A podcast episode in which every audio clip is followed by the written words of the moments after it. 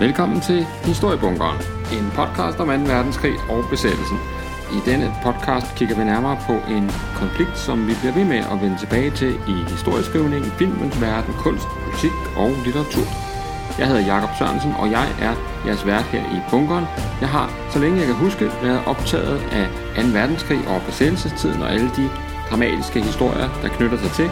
Det er simpelthen de bedste historier, vi har, på godt og ondt. Med andre ord, har man interesse for 2. verdenskrig og besættelsen, kommer man ikke til at gå forgæves. Og hvis du har lyst, så er du meget velkommen til at give programmet en bedømmelse der, hvor du lytter til din podcast, og du er meget velkommen til at anbefale til venner og bekendte, som du måske kunne forestille dig godt kunne lide at høre om 2. verdenskrig og besættelsen, at der findes en podcast, der hedder Historiebunkeren, som måske er noget for dem.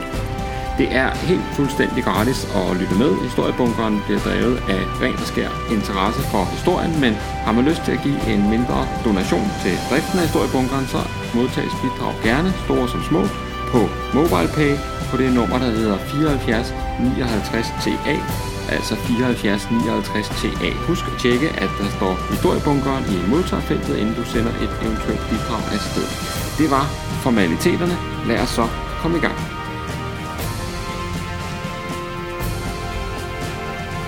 Se, vi er jo nået til 6. afsnit i denne her øh, miniserie, som efterhånden ikke rigtig længere er nogen miniserie om Falgelb, altså det tyske angreb på Holland og Belgien og Frankrig i slutningen af foråret og den tidlige sommer 1940.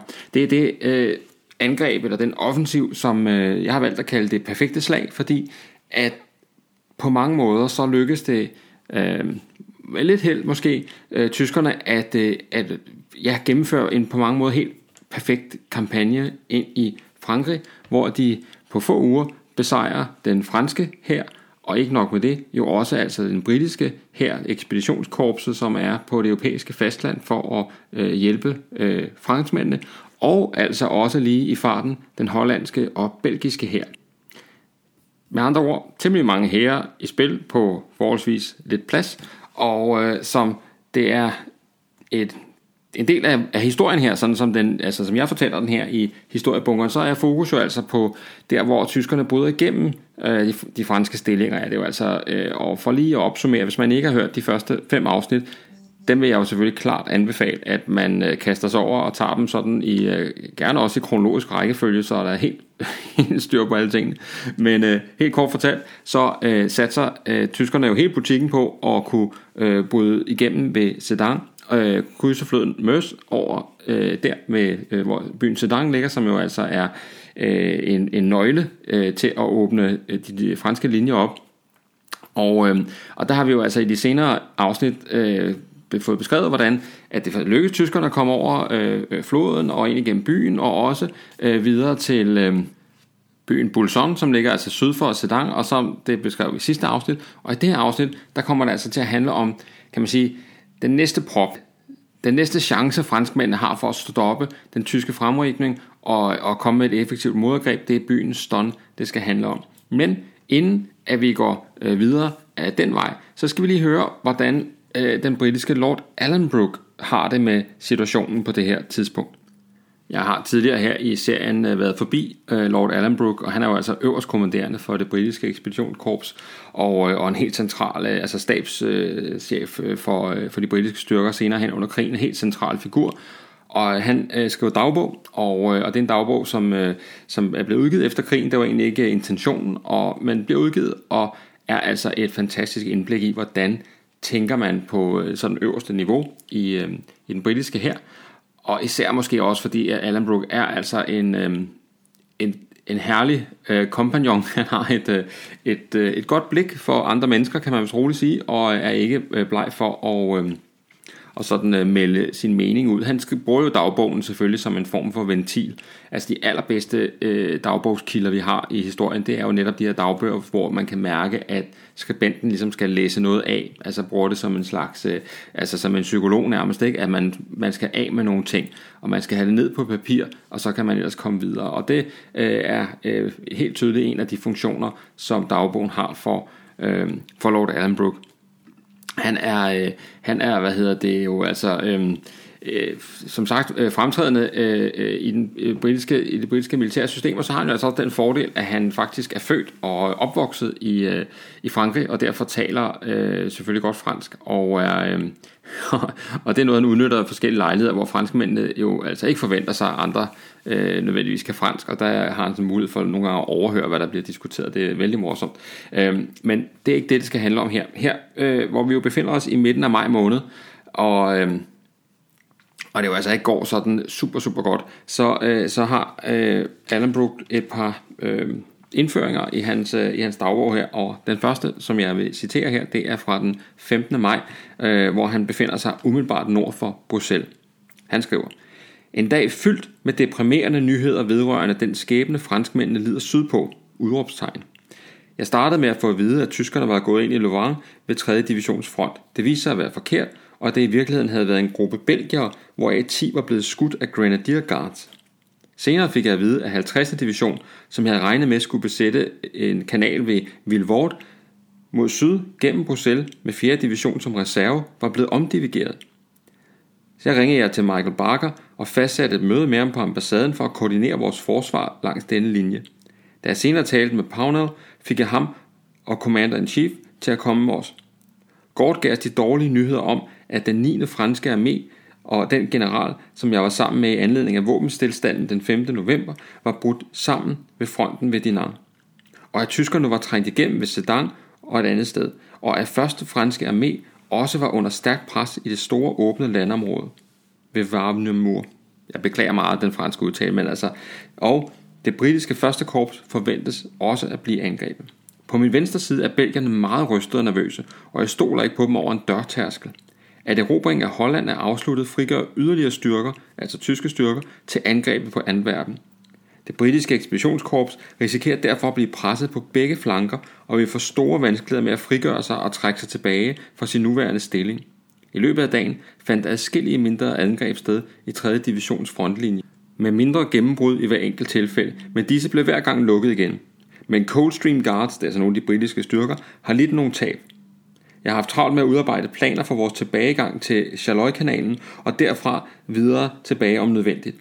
Denne situation er rigelig til at give en bange anelser, men jeg må sige, at jeg stadig har en stærk overbevisning om, at rigtigt må vinde over forkert.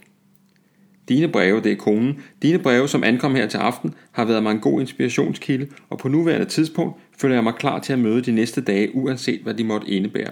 Uanset hvad der sker, kan de aldrig tage vores år i paradis fra mig.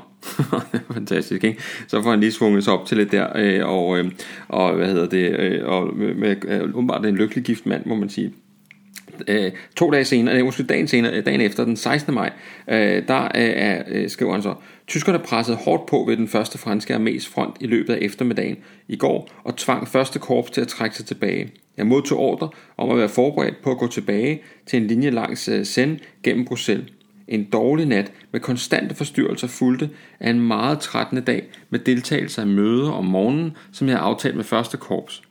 Derefter et besøg ved, den belgiske, ved det belgiske korps på min venstre side, for at sikre mig, at de tilpassede sig bevægelserne. Til sidst endnu et møde med Bauger og Pornel. Nu håber jeg, at tilbagegangen er begyndt, da den skulle sættes i værk kl. 22. Og så øh, har han ikke nogen indføring den 17. maj, men 18. maj, der skriver han så, jeg er for træt til at skrive i går, eller jeg var for træt til at skrive i går aftes, og nu kan jeg dårligt huske, hvad der skete i går. Timerne er så trængte og følger på hinanden så hurtigt, at livet bliver en tåge, der ikke sætter spor i ens hukommelse. 3. division trak sig succesfuldt tilbage, og støttet af kavaleriregimenterne gik de gennem Bruxelles og over kanalen. Her var 4. division allerede i kamp. 3. division sad herefter op og kørte tilbage, som de begyndte at ankomme om eftermiddagen. Da kavaleriregimenterne var trukket tilbage, blev broerne over kanalen sprængt, og tyskerne kom efterhånden op på denne front. Jeg kørte langs kanalen umiddelbart efter sprængningen af den sidste bro, og tog så tilbage til et møde med første korps hovedkvarter for at fastlægge detaljerne vedrørende tilbagegangen fra kanalen gennem Dandré. Kort, eller kom til sidst tilbage til mit nye hovedkvarter lige bag Dandré. Bombefly tildelte os en del opmærksomhed i formiddags, og efter morgenmaden tilbage i første korps hovedkvarter ved René og endnu et møde med hovedkvarteret. Michael Barker er en meget svær at samarbejde med i sin nuværende sindstemning. Han er så overbebyrdet med arbejde og den forhåndværende situation, at han ser fare, hvor der ikke er nogen, og kan ikke beslutte sig til noget som helst. Han er ganske umulig at arbejde sammen med. Han er værre end nogensinde i dag, og hver gang et eller andet er besluttet, ændrer han mening kort efter. Efter mange ændringer kunne jeg dog endelig holde møde med mine divisionschefer og fastlægge, fastlægge detaljerne for tilbagetrækningen i de tidlige morgentimer. Jeg overtaget 1. og 50. division og afgivet 4. division til 3. korps. Tyskerne trængte desværre ind i øh, vores kavaleriregiment i dag, og jeg er bange for, at de nedkæmpede hovedkvarteret om mindst en eskadron. Og det er altså øh, det sidste, øh, den sidste indføring her 18. maj. Og, øh, og der øh, kan man sige, samlet set, så de her sådan øh, indblik i, hvad øh, den øverste britiske øh, øh, altså øverstkommanderende øh, sådan har på, på papiret eller på, på skrivebordet i de her dage, det vidner jo altså om, at der er rigtig meget pres på. Og ham her, Michael Barker, som han, øh, som man omtaler som øh, svær at arbejde sammen med, han øh, får også ganske øh, rigtigt et øh, nervøst sammenbrud, og, øh, øh, og bryder simpelthen sammen under, under det øh, øh arbejds- og ansvarspres, som, øh, som ligger på ekspeditionskorpset i de her, øh, i de her dage her. Øh, det kan man læse videre om i en, en fremragende bog, der hedder Racing Churchill's Army, som er skrevet af øh, den britiske historiker David French, hvis man har lyst til det. Øh, Racing Churchill's Army. Og øh, øh, det vi kan se her er altså, at øh, selvom tyskerne faktisk jo ikke har deres hovedstyrke på den øh, i den britiske del af fronten, det er jo faktisk en, i virkeligheden en form for afledningsmanøvre, som bare skal holde øh, britterne beskæftiget, mens at øh, hovedkuppet, altså hovedangrebet, finder sted ind i den franske front øh, ved Sedan, altså der, hvor man vil skære sig igennem, og så man kan komme ind og udnytte, øh, kan man sige, baglandet bag frontlinjen.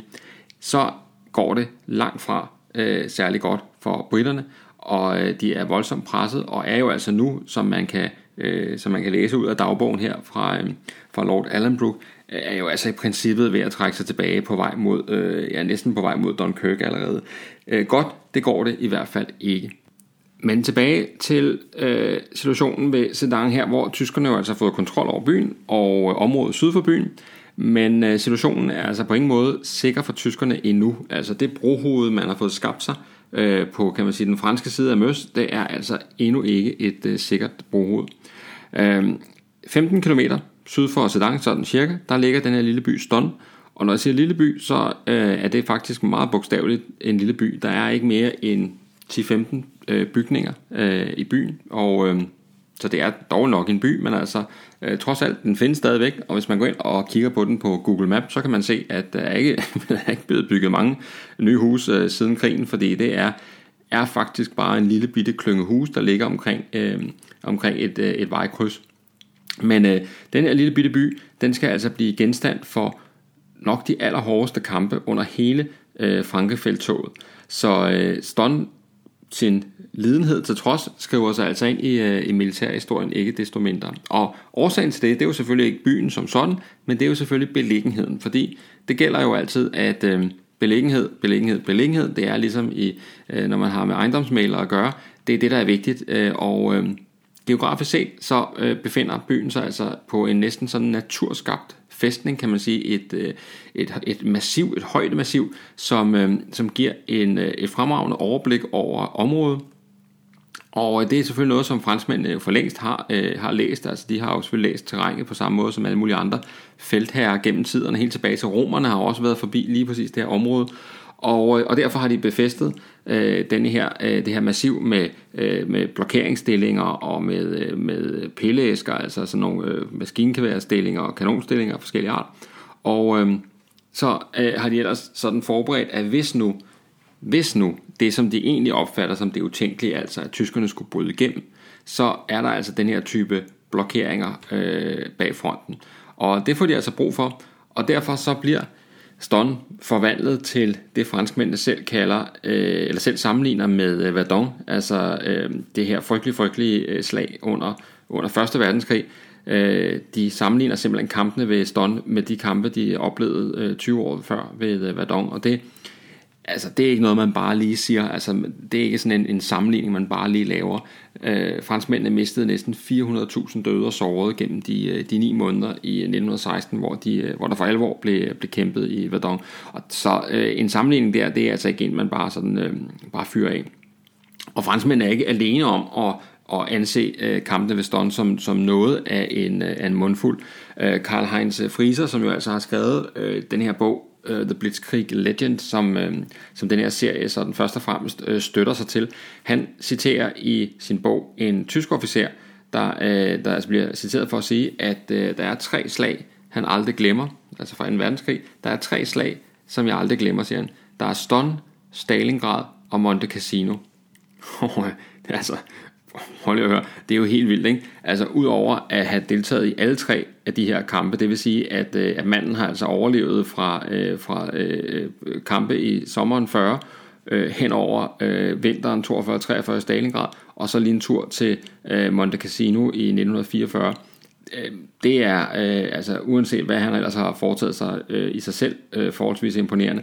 Øh, så må man sige, at øh, hvor selv en ah, måske ikke enhver nyudklækket øh, student øh, i disse dage her, burde jo nok kende Stalingrad og muligvis også Monte Cassino, men der er ikke mange, der har hørt om Ston. Og det er altså, øh, og det er altså til trods for, at øh, sådan en, øh, en gavet fyr som ham her, han, øh, han mener, at det var altså, øh, det var blandt de aller, aller værste slag, han havde været med til. Øh, nå, men udover, kan man sige, beliggenheden og sådan geografien, så er Ston meget central for franskmændene, fordi herfra, der vil man kunne etablere, altså det, vil, det er et fremragende udgangspunkt for et modangreb mod øh, et eventuelt tysk brohoved ved øh, Sedan, sådan som det altså også har udviklet sig. Så øh, på det her tidspunkt, vi er jo altså kun lige et par dage efter, at, øh, at tyskerne er brudt igennem, så er øh, der ikke kommet øh, særlig meget infanteri over øh, floden endnu. Og det vil sige, at, øh, at de tyske styrker, som er på den, kan man sige, den franske side af Møs, det er først og fremmest panserstyrker, først og fremmest motoriserede enheder. Og de kan være øh, ganske gode at have, det er slet ikke det, men øh, hvis man for alvor skal forsvare sig, så har man altså brug for infanteri. Og, øh, og, det er, øh, og det vil sige, at øh, tyskerne er i sådan en, en, en, en, en mellemfase, kan man sige, deres fremrykning, hvor de ikke helt kan øh, føle sig sikre på at kunne holde erobringerne på egne hænder. Så øh, de her kampe omkring øh, øh, Bolsong, altså lige syd for Sedan, og så senere omkring øh, Ston, det er altså, hvad hedder det, øhm, det er helt afgørende kampe for, øh, for, øh, for tyskernes mulighed for at få et sikkert brohoved øh, på den franske side. Der er allerede nogle småkampe den 12. maj, og øhm, øh, omkring Ston, og de foregår altså ikke i Ston, men de foregår i øh, pansergruppe von Kleists hovedkvarter. Øh, fordi der har man nemlig øh, møde om, hvordan man skal håndtere øh, fremrykningen, og, øh, og der øh, har man lige præcis øh, Ston i kikkerten som et, øh, et muligt sted for en, øh, en træfning. Øh, von Kleist, eller Paul Ludwig Ewald von Kleist, som han egentlig hedder, han er jo en, øh, en, en, en gavet herre på det tidspunkt. Han er født i 1881, og... Øh, og er øh, en af de her sådan, fremtrædende tyske feltmarskaller under, øh, under en verdenskrig, og han er øh, selvfølgelig veteran fra Første Verdenskrig, det er de jo alle sammen øh, på, på, på, sådan, på ledelsesplan i hvert fald, og øh, var egentlig øh, stort set øh, pensionsmåden, men, øh, men bliver øh, i, øh, i slutningen af 30'erne kaldt tilbage øh, til aktiv tjeneste og er med til, øh, har kommandoen over øh, et af panserkorpsene i invasionen af øh, Polen, og altså også Øh, øh, kommandoen her i Franke over øh, det, der hedder Pansergruppe von Kleist, som altså består af øh, 14. panserkorps og 19. panserkorps, altså hvor han altså har Guderian under sig. Øhm, og øh, von Kleist, han mener, at, øh, at hvad hedder det, det her brohoved, man har fået skabt, øh, som er sådan en 6-8 km dybt, altså øh, øh, det er fint, øh, det, kan man, øh, det kan man godt øh, øh klare sig med, men øh, det mener øh, Guderian ikke. Øh, Guderian øh, argumenterer for, at øh, det brohoved, man skal bruge, skal være meget dybere, man skal længere ind i landet, man skal 20 km ind i landet, er ligesom hans, øh, hans, øh, hans målsætning, og det vil sige, at man skal helt ned og have det her ståndmassiv, øh, have kontrollen over byen og det her, øh, det her område, altså det her højdedrag, som byen ligger på. Og, øh, og han argumenterer for, at det brohoved, som øh, hvad hedder det, som er på den franske side af Møskanalen, det er altså øh, alt, alt for lille til, at han kan have sit, øh, sit panserkorps der, og alle sine øh, tusindvis af, af køretøjer, øh, hvis han skal øh, Guderian, altså hvis han skal ordentligt ind bag de franske linjer og virkelig, virkelig øh, øh, lave ravage, så skal der være mere plads. Og, øh, og, øh, og derudover så øh, øh, fremfører øh, Guderian altså også argumentet for, at, øh, at altså er et, øh, et fremragende udgangspunkt for et fransk modangreb. og øh, at øh, det vil man kunne forhindre ved at indtage øh, selvfølgelig højdedraget og ligesom placere sig øh, der, hvor franskmændene gerne vil være. Øh, og det er altså nogle tanker, som faktisk går helt tilbage til øh, Mansteins oprindelige udkast til de her planer for et angreb på, øh, på Frankrig. Altså det vil sige, at man lige så snart man øh, var kommet over øh, floden og over og havde styr på Sedan, så skulle man altså øh, øh, rykke frem og afskære øh, fjendens muligheder for at, øh, at samle styrker til et, øh, et modangreb. Øh, altså kan man sige, et koncept, som man kan kalde et aggressivt forsvar, altså at man ikke bare øh, graver sig ned og forsvarer sine stillinger, men man aktivt øh, hvad skal man sige, rykker frem for at, øh, at forhindre fjenden i at få et godt udgangspunkt for et modangreb. Så øh, her kan vi se, hvordan man også i en defensiv sammenhæng, altså et punkt, hvor tyskerne egentlig skal konsolidere et brohoved, tænker særdeles øh, aggressivt og tænker, i hvert fald Guderian, tænker aggressivt og tænker i øh, høj mobilitet. Øh, så øh, Manstein og hans sådan, øh, hvad skal man sige, sådan, øh, øh den der udfører Mansteins tanker langt til vejen, altså Guderian, de er helt med på det her, men øh, længere oppe i systemet, der er man bestemt ikke øh, så begejstret for ideen, og man mener, det er alt for risikabelt at, og, og, og ty til det her aggressive forsvar. Man, man er bange for, at man sætter, øh, sætter alt, alt på et bræt og, og så videre, og så videre, og, og det ender faktisk med, at af von Kleist, som, øh, som jo altså øh, er mere konservativ omkring den øh, måde, sådan et brohoved skal udnyttes på, at han øh, beordrer et, altså et definitivt forbud mod at udføre øh, angreb på Ston. Altså, det må man ikke. Punktum. Og øh, Altså det vil sige en lodret ordre, kan man også oversætte det som. Von Rundstedt, øh, en af de andre, øh, som jo har kommandoen over øh, armégruppen, og her er han, han øh, altså, øh, hvad hedder det her, gruppe A, han øh, øh, taler med Guderian øh, om morgenen den 14. maj, og, øh, og, og der øh, benytter Guderian også lejligheden til ligesom at, øh, at, at prøve at argumentere for, øh, for hans øh, syn på sagen. Øh, men, øh, men altså det er ikke noget, øh, von Rundstedt overhovedet er indstillet på, og øh, udgangen på det er faktisk, at, øh, at øh, kl. 11.45 øh, samme dag, altså den 14. maj, der får, øh, får Guderian endnu en understregning øh, bare fra Rundstedt om, at, at direktivet er bindende, Øh, og det er fortsat bindende, altså man skal ikke angribe stånd. Øhm, og, øh, og det kan man altså, det, øh, det, ja, altså der tænker vi jo nogle gange, når man som militær person har fået ikke bare en, men to helt øh, lodrette ordre øh, fra sine overordnede, så skulle man jo egentlig nok tro, at man ville følge dem, og, øh, og, at, øh, og at hvis man ikke fulgte dem, så ville det give øh, nogle voldsomme øh, konsekvenser. Men øh, øh, sådan fungerer det altså ikke i den tyske her på det her tidspunkt, øh, når man har øh, nogle af de her meget selvstændigt tænkende øh, øh chefer øh, i øh, ansatte i butikken, og, øh, og Guderian han føler sig altså øh, faktisk ikke bundet af det af de ordre, vi har tit sådan en opfattelse af øh, den tyske her øh, som så meget rigid, øh, meget sådan, øh, hvad skal man sige, sådan øh, kæftritte retning, ordnung muss sein, øh, sådan øh, organisation, hvor at øh, man gør fuldstændig, man blindt adlyder ordre og den slags, så det passer rigtig godt ind i vores øh, generelle opfattelse af, hvordan tingene foregår i sådan et øh, vanvittigt øh, totalitært øh, regime, som, øh, som øh, den nazistiske, den nazistiske øh, samfund jo var. Men øh, det er faktisk ikke øh, helt sådan i virkeligheden, fordi at det viser sig gang på gang, at de her øh, generaler øh, ofte agerer temmelig selvstændigt og ignorerer øh, ordre oppefra og gør nærmere eller mindre, hvad der passer dem. Og at hvis det lykkes, altså hvis det de så faktisk gør, øh, lykkes, jamen så bliver man tilgivet. Og det er jo altså en, øh, en meget interessant øh, faktisk øh, nuancering, synes jeg, af hvordan vi sådan traditionelt måske øh, sådan lidt øh, karikeret opfatter øh, de tyske styrker. Øh, vi ser i hvert fald i det her tilfælde, at øh, Guderian han øh, ignorerer de her øh, direkte ordre øh, oppefra, og øh, i stedet for øh, øh, så beordrer han et øh, angreb på Ston med øh, hvad hedder det, den 14. maj, så øh, er det tid til at, øh, øh, at angribe øh, ind mod øh, byen, øh, og at der har han altså, kan man sige, øh, der forbryder han sig altså mod det, den direkte ordre, som øh, von Kleist har, øh, har givet ham.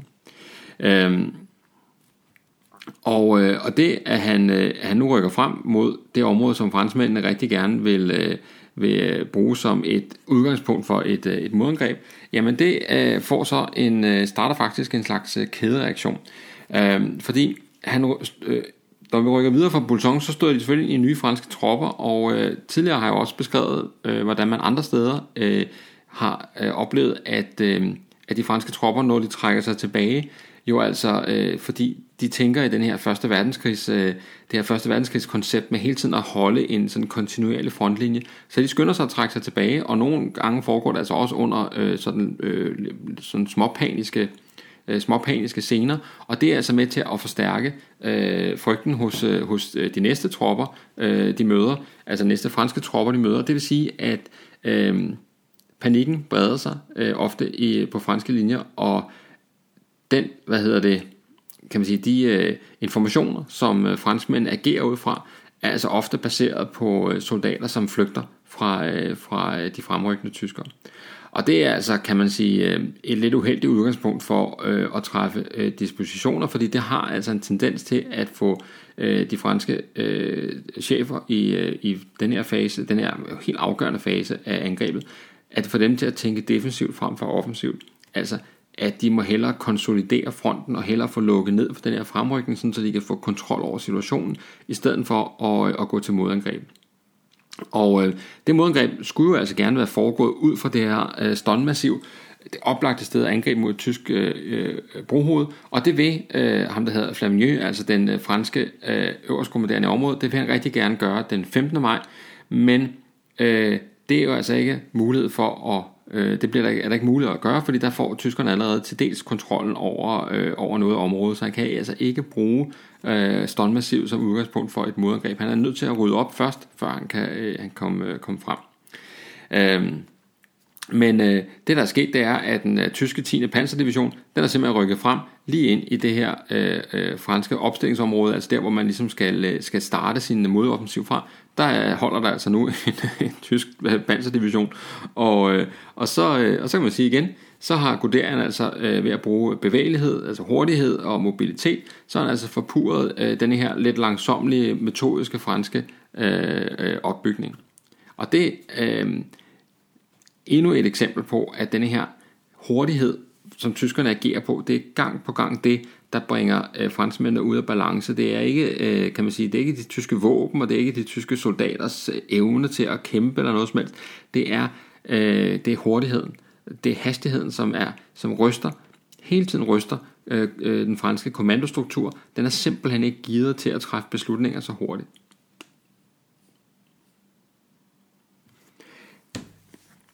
Vi har tidligere været inde på, at, der, øh, at de franske styrker er plaget den her langsomlighed, når øh, det angår kommandovejen, og, øh, og de er plaget af øh, at først at være blevet beordret til at gå i defensiven, og så derefter gå i offensiven. Det er noget, der tager lang tid at omstille sig fra det ene til det andet, og at, øh, at selvom de her øh, kraftige, imponerende franske kampvogne, som, øh, som jo er tyskernes øh, overlegne på alle mulige områder, øh, de, øh, de er øh, til stede og faktisk kan indsættes, jamen så, øh, så bliver de brugt alt, alt for, for lidt i forhold til, hvad de, hvad de kunne. En af grundene er, at de her kampvogne, der hvor de har mangler, er blandt andet på brændstofområdet. Altså de har simpelthen for lidt brændstofkapacitet, det vil sige, at de skal tankes op hele tiden. Og det vil sige, at når de er i en offensiv rolle, altså de, når de rykker frem og, og, og bekæmper nogen, så er de, har de en tendens til forholdsvis hurtigt at skulle trække sig tilbage, fordi de er ved at løbe tør for, øh, for brændstof. Så det vil sige, øh, det, de er jo næsten usårlige, de her kampvogne, i forhold til alt, hvad tyskerne har, så er de stort set usårlige, men, øh, men de er deres egen værste fjende, fordi de kan ikke de kan ikke fastholde et langt angreb, det er de simpelthen ikke brændstof nok til. Så de, de skal hele tiden rykke tilbage og tankes op, før de kan bruges igen. Det er den ene, den ene ting. Den anden ting, det er, at deres øh, kommunikationsmidler, altså deres radioer, er, øh, er elendige i forhold til, hvad, øh, hvad tyskerne har for eksempel. Øh, øh, meget, meget ofte bliver de plaget af, at øh, batterierne til radioen løber tør og så videre, så de kan altså ikke kommunikere særlig effektivt. Så der skal sådan nogle ordonanser løvende rundt mellem kampvogne for at give besked fra den ene til den anden. Det tager tid øh, og er meget, meget besværligt. Og der har tyskerne med, med mere moderne og, og veludviklede radiokommunikationssystemer øh, i deres øh, kampvogne meget bedre mulighed for at, at koordinere angrebene. Så man kan sige, der er nogle tekniske ting her, som bliver helt afgørende i, øh, i slaget om, øh, om Frankrig. Så hvor man kan sige, at franskmændene har nogle udfordringer med deres kampvogn, så har Guderian på den anden side nogle udfordringer med hans infanteri. Som sagt har han ikke fået særlig meget infanteri over, øh, over brohovedet endnu, og, øh, og han har faktisk kun øh, det øh, infanteriregiment, der hedder Groß Deutschland med sig. Så, øh, så hvis franskmændene kommer til at gennemføre et egentligt modangreb, altså i en sådan en vis skala, jamen øh, så, øh, så vil de tyske styrker formentlig bryde sammen øh, under, under det pres, fordi uden, øh, uden infanteri, så er, øh, er øh, chancen for, at fransk modangreb øh, vil lykkes, det er altså øh, temmelig godt, øh, og, øh, og, og lykkes det franskmændene, så vil de kunne rulle hele den tyske fremrykning tilbage, smide dem ud i øh, floden, og så, øh, og så være tilbage ved udgangspunktet. Og så vil hele konceptet bag øh, Falgelb, altså hele tanken, der skal føre til tysk sejr på Vestfronten i den her verdenskrig, det vil falde fra hinanden.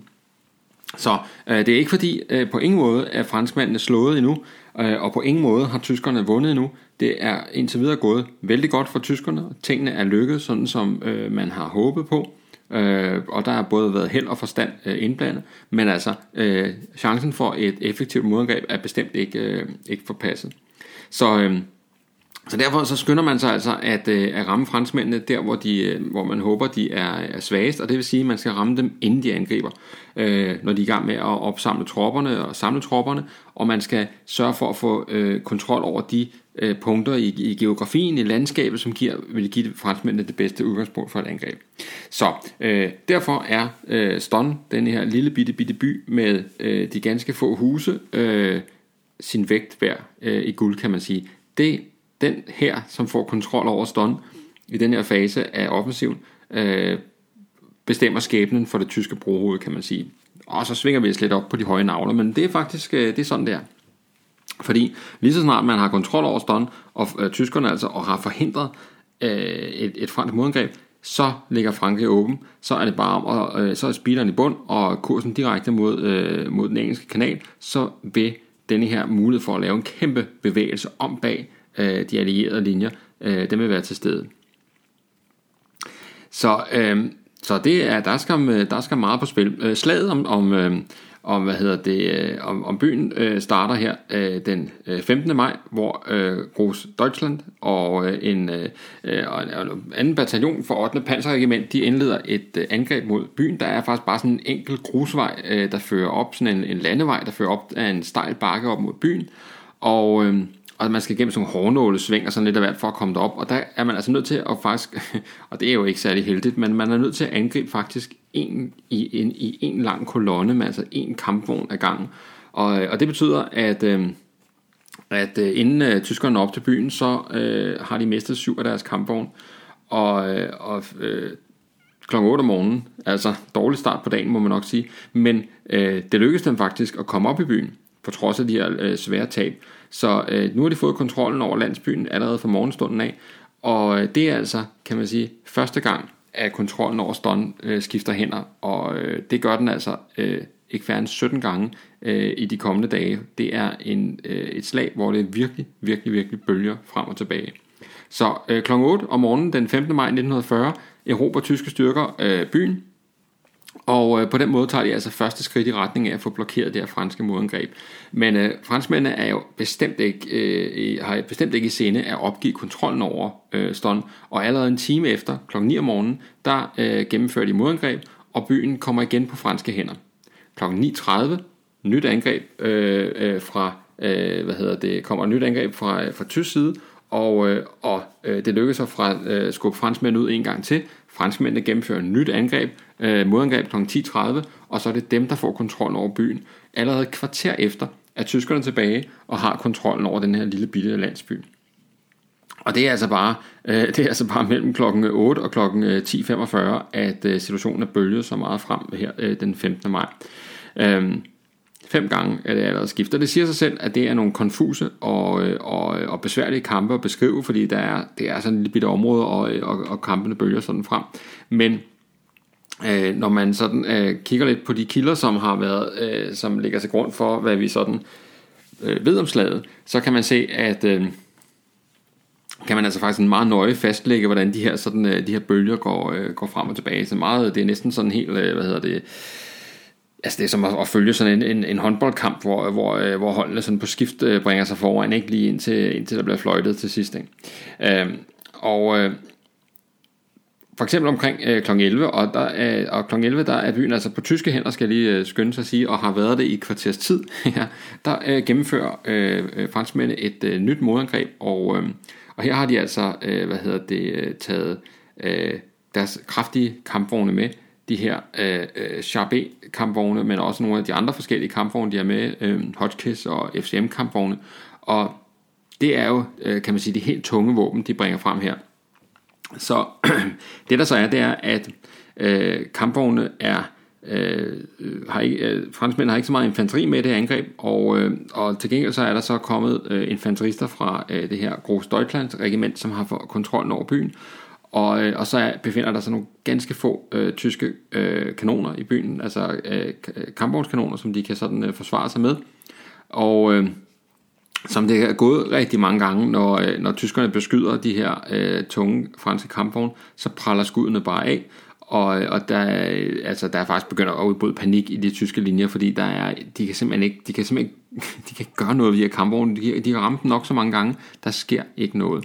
Øhm, og øh, flere af de her kampvognskanoner blev også slået ud, men øh, det lykkedes en af øh, en af øh, de her øh, kanonkommandører, en der hedder øh, Hans Hinterlang, han øh, studerer øh, de øh, franske kampvogne, og, øh, og på et tidspunkt, altså han kan godt se, at de er helt usårlige, og på et tidspunkt er, de, er franskmændene faktisk så kry og kække, at, øh, at de ikke holder med fronten mod, øh, mod tyskerne, men med siden mod tyskerne. Normalt vil man altid have mest panser foran på en kampvogn, og det vil sige, at øh, som kampvognsfører, så vil man altid sørge for at have fronten mod fjenden, fordi det er der, man er bedst beskyttet. Men, øh, men, øh, men franskmændene, de, øh, de er usårlige, og det vil sige, at skuden de praller af til højre og venstre, når de bliver ramt, uanset hvor på kampvognen. Så de holder bare med siden til, øh, omkring 100 meter fra de her øh, fra de tyske stillinger. Og der får ham her, øh, øh Hans øh, Hinterlang, han får øje på, at der sidder sådan en lille rist på siden af, af hvad hedder det, øh, Charbet-kampvognen, en slags, øh, altså, hvor der er noget ventilation eller et eller andet, der kommer noget øh, altså fra, fra motoren og sådan. Og, øh, han får den idé at, øh, at sigte efter den her, øh, det her lille, lille bitte stykke på siden af, af kampvognen. Og øh, efter nogle forsøg, så får han faktisk ramt på det, og, og får faktisk slået øh, nogle af de her franske kampvogne ud af, ud af spillet, fordi han altså finder ud af præcis, hvor er det der lille bitte punkt, hvor de er sårbare. Lille bitte firkant, som han får ramt. Og øh, det giver jo altså noget fornyet energi på tysk side at se, at de faktisk kan gøre noget mod de her franske kampvogne. Altså de, de, de er ikke usårlige. Det er meget, meget vanskeligt at ramme, især hvis franskmændene angriber sådan med disciplin, altså med fronten mod fjenden, men øh, det kan lade sig gøre. Og øh, på fransk side, så, øh, så er det her jo et chok, fordi øh, øh de har jo været usårlige, og indtil videre er det jo, har man jo været helt tryg inde i sin, øh, i sin øh, kampvogn og, øh, og, og kunne, kunne modstå hvad som helst. Øhm, jeg har tidligere især nævnt eksempler med en Sharp E-kampvogn, som bliver ramt 140 gange, uden at der sker noget med den. Og, og når man har prøvet det, så, så føler man sig altså selvfølgelig sårbar. Men nu begynder der altså at opstå nogle muligheder for ligesom at få, få ramt på de her, de her kampvogne her.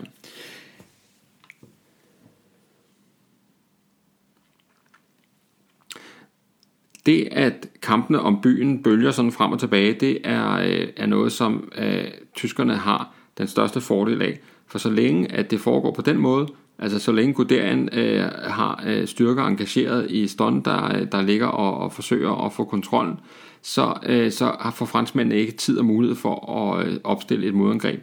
Så, øh, så, så længe der bliver kæmpet om byen, øh, Øh, og, og det er egentlig uanset om den er på franske eller tyske hænder, så er det egentlig en, øh, en tysk, øh, til tyskernes øh, fordel. Øh, men øh, franskmændene vil jo utrolig gerne have øh, denne her øh, by, de vil utrolig gerne holde øh, forsvarslinjen, som er hele det koncept, øh, de har, øh, altså som helt grundlæggende, den måde de tænker tingene på.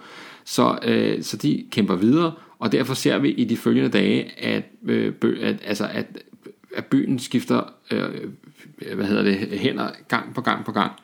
Øh, fra kl. 17.30 den, øh, den 5. maj, der er den på tyske hænder, og, øh, og øh, fra, øh, og næste morgen, 16. maj øh, kl. 7.30, der er det igen franskmændene, der overtager byen, og de holder byen helt frem til kl. 17 om eftermiddagen. Og, øh, og det er sådan en slags, øh, jamen altså byen bliver et slagtehus, det bliver næsten en kirkegård for smadrede panservogne og, og ødelagte kanoner og, og dræbte infanterister osv.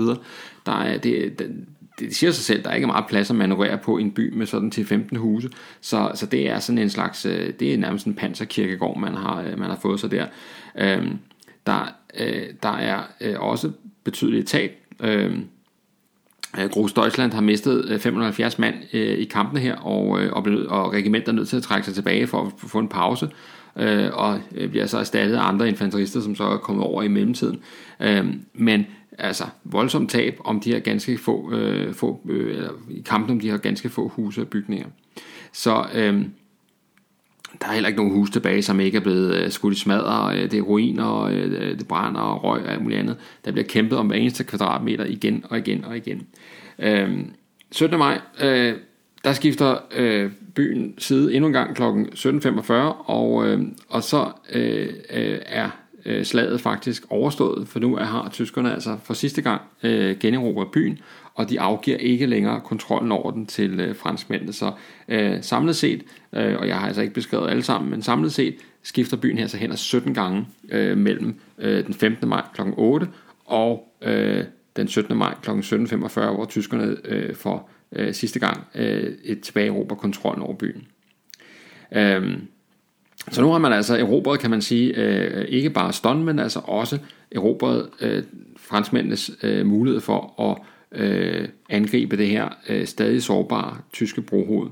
Og øh, det er jo en succes for Guderian, fordi nu har han altså fået det store brohoved, han ønskede sig, og han har gjort det, som han jo havde fået specifik ordre om ikke at gøre. Men øh, øh, det var lykkes for ham, og, øh, og der er jo ikke noget som, øh, som øh, hvad skal man sige, der er ikke noget som succes til at, at fjerne en fra, fra eventuelle problemer. Så, så han bliver altså tilgivet af sin forsatte, og, og kan jo altså nu øh, bevæge sig videre ind i det, som er, kan man sige, næste fase i, øh, hvad hedder det, øh, øh slaget om Frankrig, nemlig altså at komme ud og virkelig få sendt kampvognen ud af arbejde. Og det er det, vi skal øh, følge her i, øh, i næste afsnit af, af historiebunkeren. Øh, men øh, der vokser sig øh, alligevel som sådan en lille krølle øh, nogle forskellige sådan øh, legender eller historier ud af det her øh, korte, men intense slag om, øh, om Ston. Øh, på fransk side der er en en øh, kampvognskommandør, løjtnant Dominik, som, øh, som sidenhen bliver kaldt slagteren for Ston, og, øh, og det gør han, fordi han, øh, han på et tidspunkt øh, under fremrykningen, der øh, kører han af sådan en landevej, hvor der er sådan en grøft ved siden af, og der ligger en, en lang række tyske infanterister og dækker sig. Og, øh, og den vælger han simpelthen at køre øh, henover med bælterne på sin kampvogn, altså simpelthen øh, mase de her øh, mennesker øh, i, i grøften med sin øh, tons tunge øh, Char B kampvogn. Og, øh, og det øh, giver ham altså det her øh, sådan øh, øgenavn slagteren fra øh, slagteren fra øh, fra Ston, som han kan som han kan sådan øh, bryste sig med fremover, ikke? Øh, og øh, og så er der altså øh, øh, den anden øh, kampvogn, der blev ramt 140 gange af, af tyske projektiler, uden at blive, øh, blive gennembrudt. Altså, det må også være en eller anden form for, øh, for rekord, øh, er, jeg næsten, øh, er jeg næsten sikker på. Og med til at, altså, at bekræfte franskmændenes opfattelse af, at deres øh, kampvogn er, øh, er usårlig. Men altså, øh, endnu har man jo ikke udviklet en usårlig kampvogn, øh, og øh, det, en anden legende, der er vokset ud af det her, det er jo altså øh, den her øh, hvad hedder det, øh, kanonskytte, som, øh, som opdager den der lille bitte ventilationsrest på siden af Charbet-kampvognen, som altså bliver øh, den tyskerne fremover sigter efter, når de skal prøve at slå de her, øh, de her stålmonster ud af spillet. Når man er inde og analyserer også slaget her, og øh, jeg har tidligere nævnt de her problemer med de her radioer, og, og det, er altså, det er altså helt afgørende, at franskmændene øh, kommunikerer dårligt. Øh, de har så svært ved at få fat i hinanden, og de har svært ved at øh, agere samlet, og det betyder, at øh, og det er ret nemt at forestille sig, at man i sådan, nogle, sådan en forfærdelig kampsituation, meget dramatisk kampsituation, der er det altså en stor tryghed at, at vide, hvad laver, hvad laver folk omkring mig, hvor, hvor hører jeg til henne, hvor er vi på vej hen, og alle de der ting.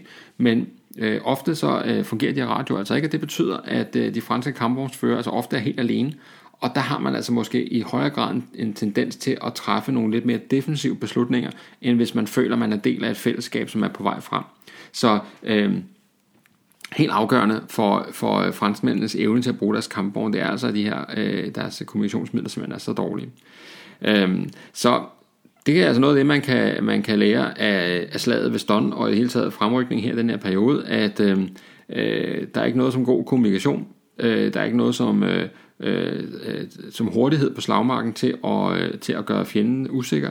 Og, øh, og besidder man begge dele, så har man altså øh, gode chancer for at overvinde en fjende, som, som egentlig materielt er, er overlegen. Og det er altså det, vi altså indtil videre gang på gang har set i, øh, i angrebet her, i det tyske angreb ind i Nordfrankrig.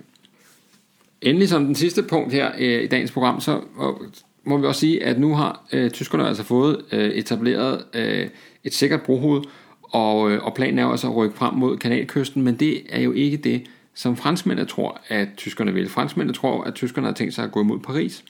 Og det vil sige, at i de følgende dage, Øh, for det giver jo god mening, at Europa fjendens hovedstad, og på den måde får, øh, øh, få, fjendens, ligesom, det er jo sådan et, et, et oplagt sted, ligesom hvis man skal have fjendens forsvar til at kollapse.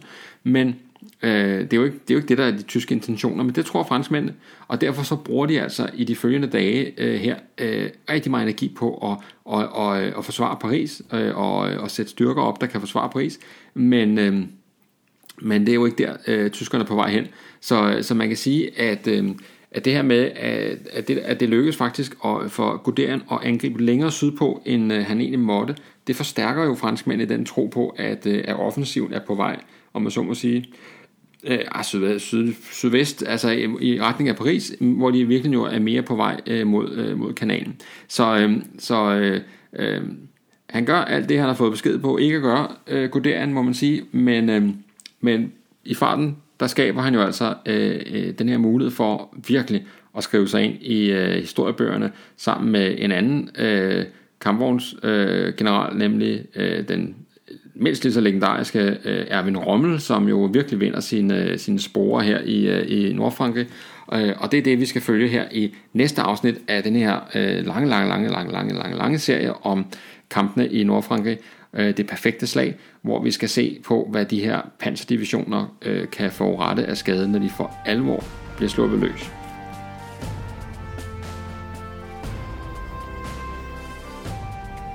Det var dagens afsnit af Historiebunkeren. Tak fordi du lyttede med. Som nævnt i starten, så kan man, hvis man har lyst, give programmet en bedømmelse der, hvor man lytter til podcast, og man er også meget velkommen til at like Historiebunkerens side på Facebook, eller melde sig ind i gruppen samme sted. Øh, det er fuldstændig gratis at lytte med. Som sagt, øh, Historiebunkeren bliver drevet af interesse og også i nogen grad begejstring for øh, historien. Men hvis du har lyst til at give en lille donation til driften, så er du meget velkommen til at gøre det på MobilePay på det nummer, der hedder 7459TA. altså 74 59 TA. Uh, husk at tjekke, at der står historiebunkeren, inden du sender et eventuelt bidrag afsted. Uh, men altså, øh, jeg er først og fremmest glad for, at I gider lytte med, og øh, på genlyt næste gang bunkeren åbner.